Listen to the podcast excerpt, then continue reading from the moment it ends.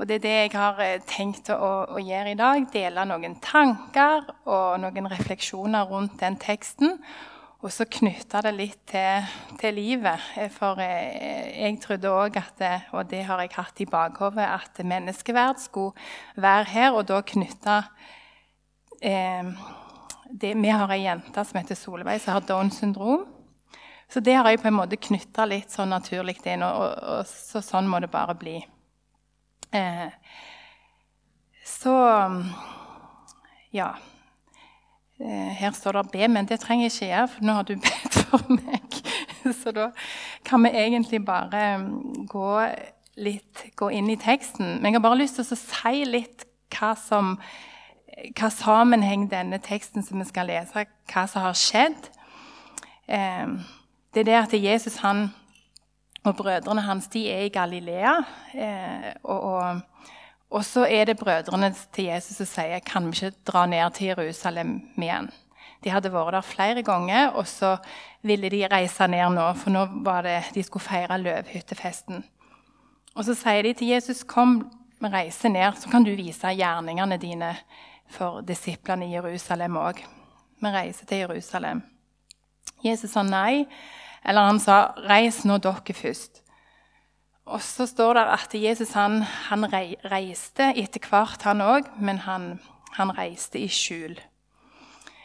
Eh, og så var det sånn på den tida her at, eh, at, det hadde begynt å bli eh, splittelse, grupperinger og, og, masse uenighet omkring personen Jesus og hvem han var. De var uenige om hvem var dette her for en fyr. Noen mente han var en profet. Andre bare en vanlig mann fra Galilea. Andre igjen trodde han var besatte. Og så var det noen òg som trodde han var Messias, Guds sønn. Um, og dette splitta folket og disiplene Eller eh, folka, ja. Og så reiste Jesus. Han, eller reiste, han gikk vel. Eller kanskje han hadde et muldyr. Eller jeg, vet ikke mye mulig at, at de gikk til fots. Eh, så hadde han vært et par dager Jesus òg i Jerusalem. Og så kommer disiplene til han med en blind mann. Og så skal vi lese derifra, da fra Johannes 9 og 1-7 i, i første omgang. Og da han gikk videre, så han en mann som var født blind. Hans disipler spurte ham, 'Rabbi, hvem har syndet, han eller hans foreldre, siden han ble født blind?' Jesus svarte, 'Verken han eller hans foreldre har syndet.' men det er skjedd for at Guds gjerninger skulle åpenbares på ham. Jeg må gjøre hans gjerninger, som har sendt meg, så lenge det er dag. Natten kommer da ingen kan arbeide. Mens jeg er i verden, er jeg verdens lys. Da han hadde sagt dette, spyttet han på jorden og laget en deig av spyttet og smurte deigen på øynene hans. Og han sa til ham, Gå og vask deg i dammen Siloa. Det betyr utsendt. Han gikk da bort og vasket seg, og kom tilbake seende.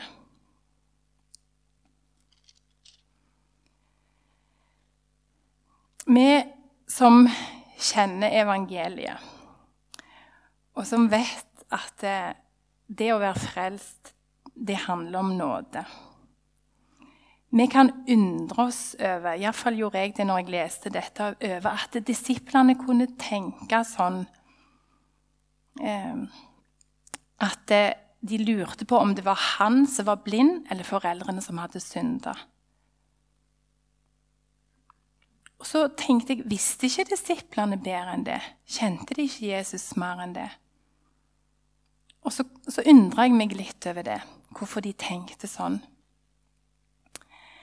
Og så leste jeg litt i studiebibelen min, og, og der sto det at det, eh, det hadde sneket seg inn en sånn hedensk tankegang blant jødene etter de hadde blanda seg med, med babylonerne, som Gud advarte dem mot å blande seg med, med hedenske folkeslag, så gjorde de det likevel.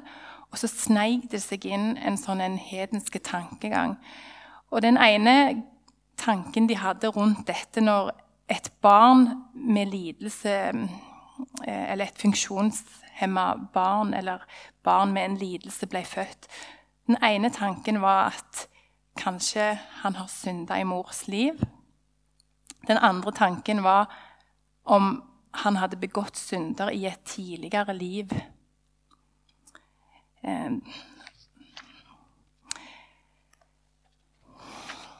Og Så kan vi undre oss litt over dette spørsmålet som Jesus fikk. Men jo mer jeg tenker på det, så ser jeg det at det, sånne tanker som det, det ligger ganske godt med dype røtter ned i meg òg. Jeg tror det ligger litt i ryggmargen på oss alle. For det i mange forhold i samfunnet og livet så, så, så er det jo sånn at det, du får det du betaler for. Jobber du ikke på skolen, så blir karakterene deretter. Luker du ikke i hagen, så ser hagen eh, ikke fin ut. Så gror det over. Og vi kan dra den òg tanken dit hen at vi spør hvorfor skjedde dette meg? Hva har jeg gjort galt? Og plutselig så ser vi at de tankene som disiplene hadde, og som de spurte Jesus om, det ligger ganske nær til meg sjøl òg. Og jeg har lyst til å dele med dere et eksempel fra eget liv der. Eh, der jeg virkelig fikk kjenne dette på kroppen. Eh, vi hadde gledet oss til å reise til Peru, jeg og Sverre og, og, tre unger. Vi skulle reise for andre gang. Og vi hadde gledet oss veldig. Vi hadde leid vekk huset, vi hadde solgt bilen og sagt opp jobben. Vi hadde faktisk flybillettene klar. De lå hjemme. Og så var det liksom Vi venta bare på dagen vi skulle få reise.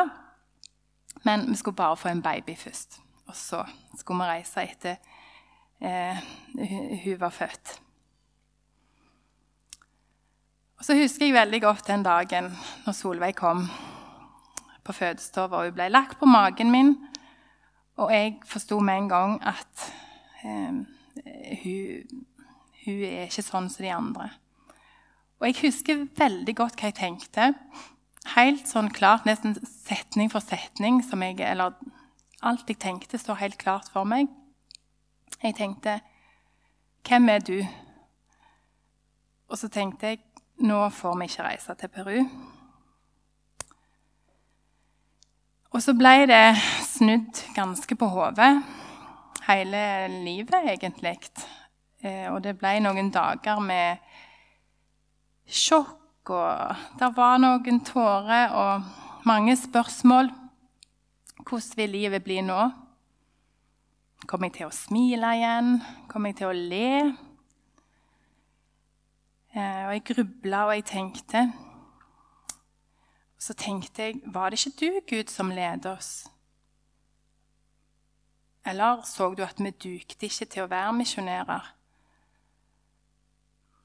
Ser du du tenkte sikkert at det var noen andre som heller passer bedre.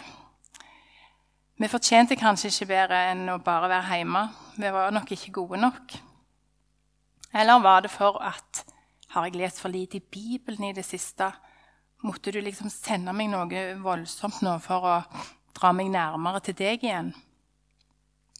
Så grubla jeg og tenkte, og plutselig så, så var jeg der som disiplene var. Er det meg det er noe gale med? Er det jeg som har synda? Men så går vi inn i teksten igjen, og så ser vi det at eh, Jesus han avviser det. Og så sier han nei, det er ikke fordi det er noen som har synda her. Men det er for at Guds gjerning skal bli åpenbart. Så gjør Jesus noe som vi syns kanskje er litt rart og ekkelt med Han spytter på jord og lager en deig. Og så sier han, gå, smøre på øynene hans og ber han gå til Siloa, som betyr utsendt. Silo av dammen. Før vi går videre, så har jeg bare lyst til å lese litt lenger fram i Johannes, i kapittel 8, vers 12. Igjen talte Jesus til dem og sa, Jeg er verdens lys. Den som følger meg, skal ikke vandre i mørket, men ha verdens lys.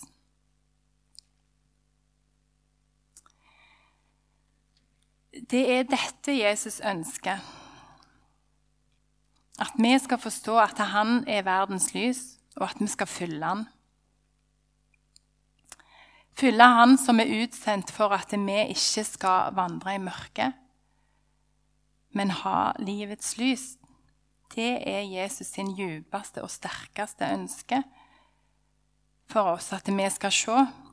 Og, det var òg det ønsket han hadde for denne mannen som var født blind. Og denne mannen han gjorde det som Jesus ba han om. Han fulgte Jesus som Jesus sjøl sa.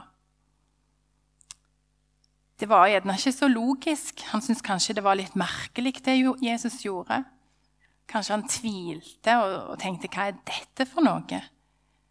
Noe gørr på øynene her, og så gå til siloer og Jeg vet ikke hva han tenkte, men han gjorde det som Jesus sa.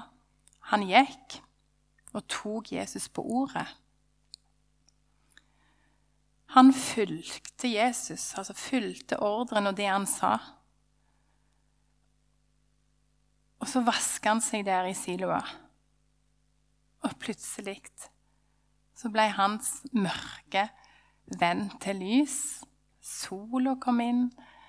Han kunne se folk og trær og fugler og Alt han bare hadde hørt lyden av, kunne han se. Det må ha vært overveldende. Stort og fantastisk. Vi skal lese resten av teksten, da. Og det er fra vers 35 til 38 i kapittel 9. Jesus fikk høre at de hadde kastet ham ut, denne blinde, eller som hadde fått syn igjen. Da han hadde funnet ham, sa han, 'Tror du på Guds sønn?' Mannen svarte, 'Hvem er han, Herre, så jeg kan tro på ham?' Jesus sa til ham, 'Du har sett ham, han som taler med deg. Han, han er det.' Han sa, 'Jeg tror, Herre', og han falt ned for ham i tilbedelse. Jeg syns det er fantastisk fint, det som står beskrevet her. Å lese om hvordan et møte selve møtet med Jesus. Hvordan det ble for han. Han talte til han, og han så Jesus, og han trodde på han. Og da ble òg hans åndelige øyne åpna. Hans fysiske var allerede åpna. Han hadde blitt frisk. Han så. Men så var det selve møtet med Jesus når han fikk høre og se at det er meg, sa Jesus, da Da trodde han, og han falt ned og tilba. Vi kan gjerne tenke at dette underet var jo det største i hans liv. Han fikk øynene åpna og skulle tro at det gjorde at han med en gang begynte å tro at dette må jo være Guds sønn som har gjort det.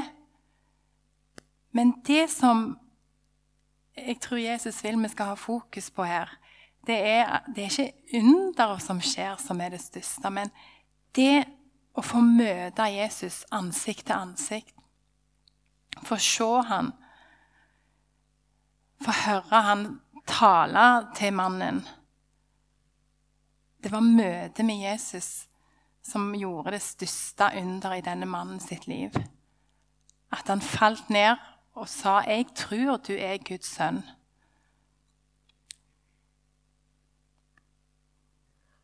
Og så hadde det underet òg fått gjort sin gjerning på han.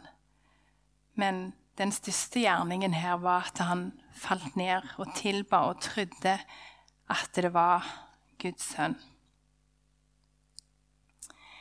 Eh, det at siloa betyr utsendt, det understreker synes jeg så fint, at det er Jesus. Det er han som er utsendt til oss òg, som vi snart skal feire. At han kom til vår jord. Han kom, han ble sendt til oss for å gi oss legedom og frelse. Og så er det bare han som kan åpne dine og mine øyne òg. Eh, de indre øynene, på en måte, de åndelige øynene, sånn at lyset kommer inn i vår sjel. Og at vi ser både hvem, hvem jeg er, og hvem er Jesus. Og så har jeg møtt Jesus i mitt liv, og jeg tror at han er Guds sønn. Men så trenger jeg å gå til den utsendte igjen og igjen, for øynene mine kan bli så tunge. De kan bli så lett at de detter igjen, at jeg glemmer hva Jesus har gjort for meg. Og så skal jeg få gå til han igjen, som er den utsendte, og be han om å røre med øynene mine på nytt, så jeg kan få syn igjen. Og at jeg kan få glede meg i hans frelse igjen. Det er ikke en sånn engangs eh, Har du sett Jesus én gang, ja vel, så er det ferdig. Vi trenger å få se på ny og på ny. For øynene våre de, de blir tunge, og de blir søvnige. Men vi skal få gå til Han som kan, kan gi oss synet tilbake. Så går jeg litt tilbake til det med Solveig når vi hadde fått henne. For da trengte jeg òg at Jesus åpna øynene mine.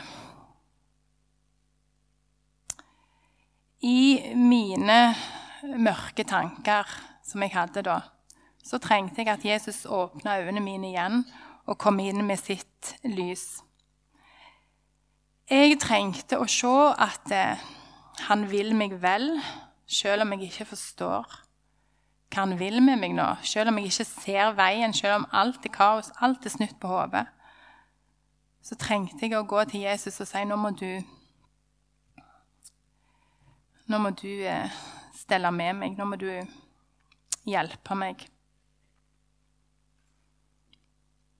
Og så har han faktisk, midt i det der tunge som jeg, eh, ja, kaoset som var så har han faktisk òg i vår situasjon fått vist at eh, han har fått vist sine gjerninger gjennom det at vi har fått Solveig. Han har fått vist litt av sin herlighet gjennom Solveig. Gjennom det å ha et barn med Downs syndrom. Vi får se noen glimt hver dag. Hun våkner og hun kommer hjem fra skolen, og det første hun gjør, er klem. Jeg elsker å klemme, sier hun. Hun har så mye kjærlighet i seg. Og jeg tror det er Gud som har lagt den ned der. Og så må jeg fortelle et glimt når eh, Eh, jeg hadde vært ute, og det regna, og jeg hadde blaute og kalde bein. Jeg hadde vært ute og gått og hadde ikke støvler. Og så sto jeg med på kjøkkenet, skulle lage middag, sånn full fart. Og så sto jeg der med blaute sokker og klagde over hvor kald jeg var. Plutselig så kommer Solveig uten et ord. Hun setter seg bare ned på sida av meg. Tar av meg den ekle, sure sokken, setter foten i den hånda, og så varmer hun den andre foten med andre hånda. Og så tror jeg kanskje Solveig på en spesiell måte har fått lov til å vise Guds gjerninger i Peru òg, bare med å være Solveig. For i et land som Peru, der de helt klart tenker som disiplene at det å få et barn med Downs syndrom eller eh, med en lidelse, med spesielle behov, det er en straff fra Gud. I det landet så ble Solveig, i den byen vi bodde, så kalte de Solveig for La roba corazones. Og det betyr hjerterobberen. Eh, så jeg tror at Gud på sin enkle og stille måte fikk vist hans gjerninger gjennom Solveig. Og jeg glemmer ikke når vi var i ei kirke tidlig en søndagsmorgen. Talen hadde begynt, vi var langt ute i møtet. Plutselig så kommer det inn en mann eh, med skitne klær, hullete klær. Han lukta, han var fodle. Han bare liksom dumpa ned på stolen. Og, det er sånn at Den naturlige reaksjonen er at du trekker deg litt. Solveig var fire år. Hun eh, gikk og stilte seg på sida av denne mannen. La hånda si på ryggen hans strøyk på han, la hodet inntil skuldra. Så så vi bare hvordan denne mannen så, smilte og retta seg opp. Jeg håper at han fikk se litt av Guds kjærlighet den dagen. Jeg sier det ikke for å skryte sånn av Solveig, men jeg har så lyst til å være med og løfte opp disse som samfunnet rundt oss har lyst til å utrydde. Tenker Vi må løfte dem opp for det det er verdt. Og så hadde jeg jo stilt meg det spørsmålet kommer jeg til å le, kommer jeg til å smile igjen når jeg fikk Solveig. Og det gjør vi iallfall. Solveig har skikkelig humor. Hun har sans for, eh, for humor. Hun har glimt i øynene. Eh, en påskedagsmorgen Sverre sa Hva er det vi feirer i dag? Jo, jeg vet ikke hvem som sa det, men Jesus har stått opp. Og så sier Solveig ja, og så sa han god morgen, god morgen. Og så, så forstår hun faktisk når folk har veldig dårlig og tørr humor òg. For da kan kroppsspråket bli deretter. Som når hun er sammen med sin onkel Kristoffer Inge, så er det bare ah, What? Altså han, Så hun, har, hun bare imponerer oss med, med å være den hun er, og vi, vi syns vi har fått en gave. Men jeg så det ikke med en gang. Og jeg ropte til Gud når vi hadde fått Solveig, og ikke forsto hvorfor ikke vi var dugende nok til å reise til Peru. Hvorfor han hadde liksom gitt oss sparken. Jeg, jeg syns det var vanskelig. Men så står det at Jesus, hvis han prøver så hva er det hva der står, sårer, så forbinder han igjen. Så ble vi altså møtt med noen vers i Bibelen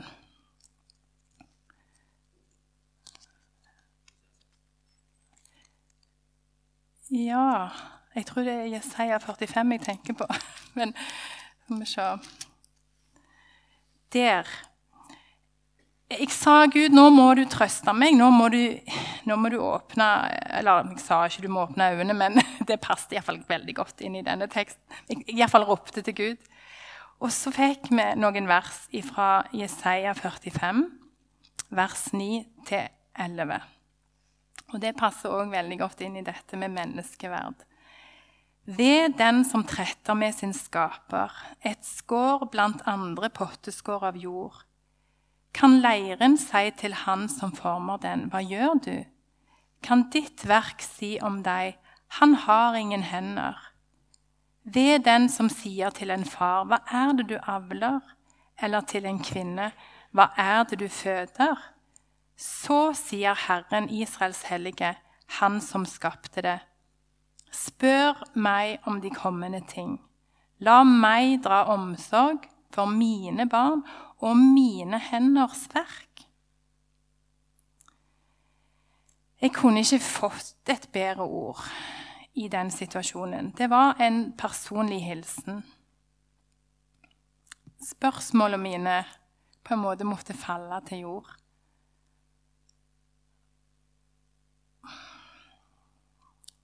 Ja. Så har jeg lyst til å slutte med å synge en sang som jeg skrev rett etter Solveig var født. Um, og der står òg i Jesaja 45 litt lenger framme at 'jeg vil gi deg skatter som er skjult i mørket'. For det var jo sånn at selv om jeg kom hjem fra sykehuset og, ja, og, og livet gikk sin gang, så var det eh, tunge dager i begynnelsen. Og dager, eller morgener der jeg våkna og tenkte Er det en drøm? Nei, så var det ikke det. Og så, så var det, det var ganske sånn tungt, men så syns jeg òg Så måtte Gud gi meg et nytt ord da. Um, og det var dette med skatter som er skjult i mørket. Og så våkna jeg en natt av at jeg følte Gud talte til meg. Jeg hørte ikke en stemme sånn eh, høyt, men det var en stemme som sa til meg at du tror det er ei bør, du tror det er en stein, men det er en skatt du har fått. Um, og det ble faktisk etter den dagen der så, så, så fikk jeg mer hvile. Så fikk jeg mer Kanskje går an å si eh, øynene mine ble mer åpna, og jeg så at eh, Jesus han, han, har ikke sluppet oss. Han har ikke slutta å ta seg av oss. Han vil fortsette å gjøre det. Og så, så vil han at, at jeg skal forstå at han vil dra omsorg for sine barn. I stormene òg, når vi ikke forstår.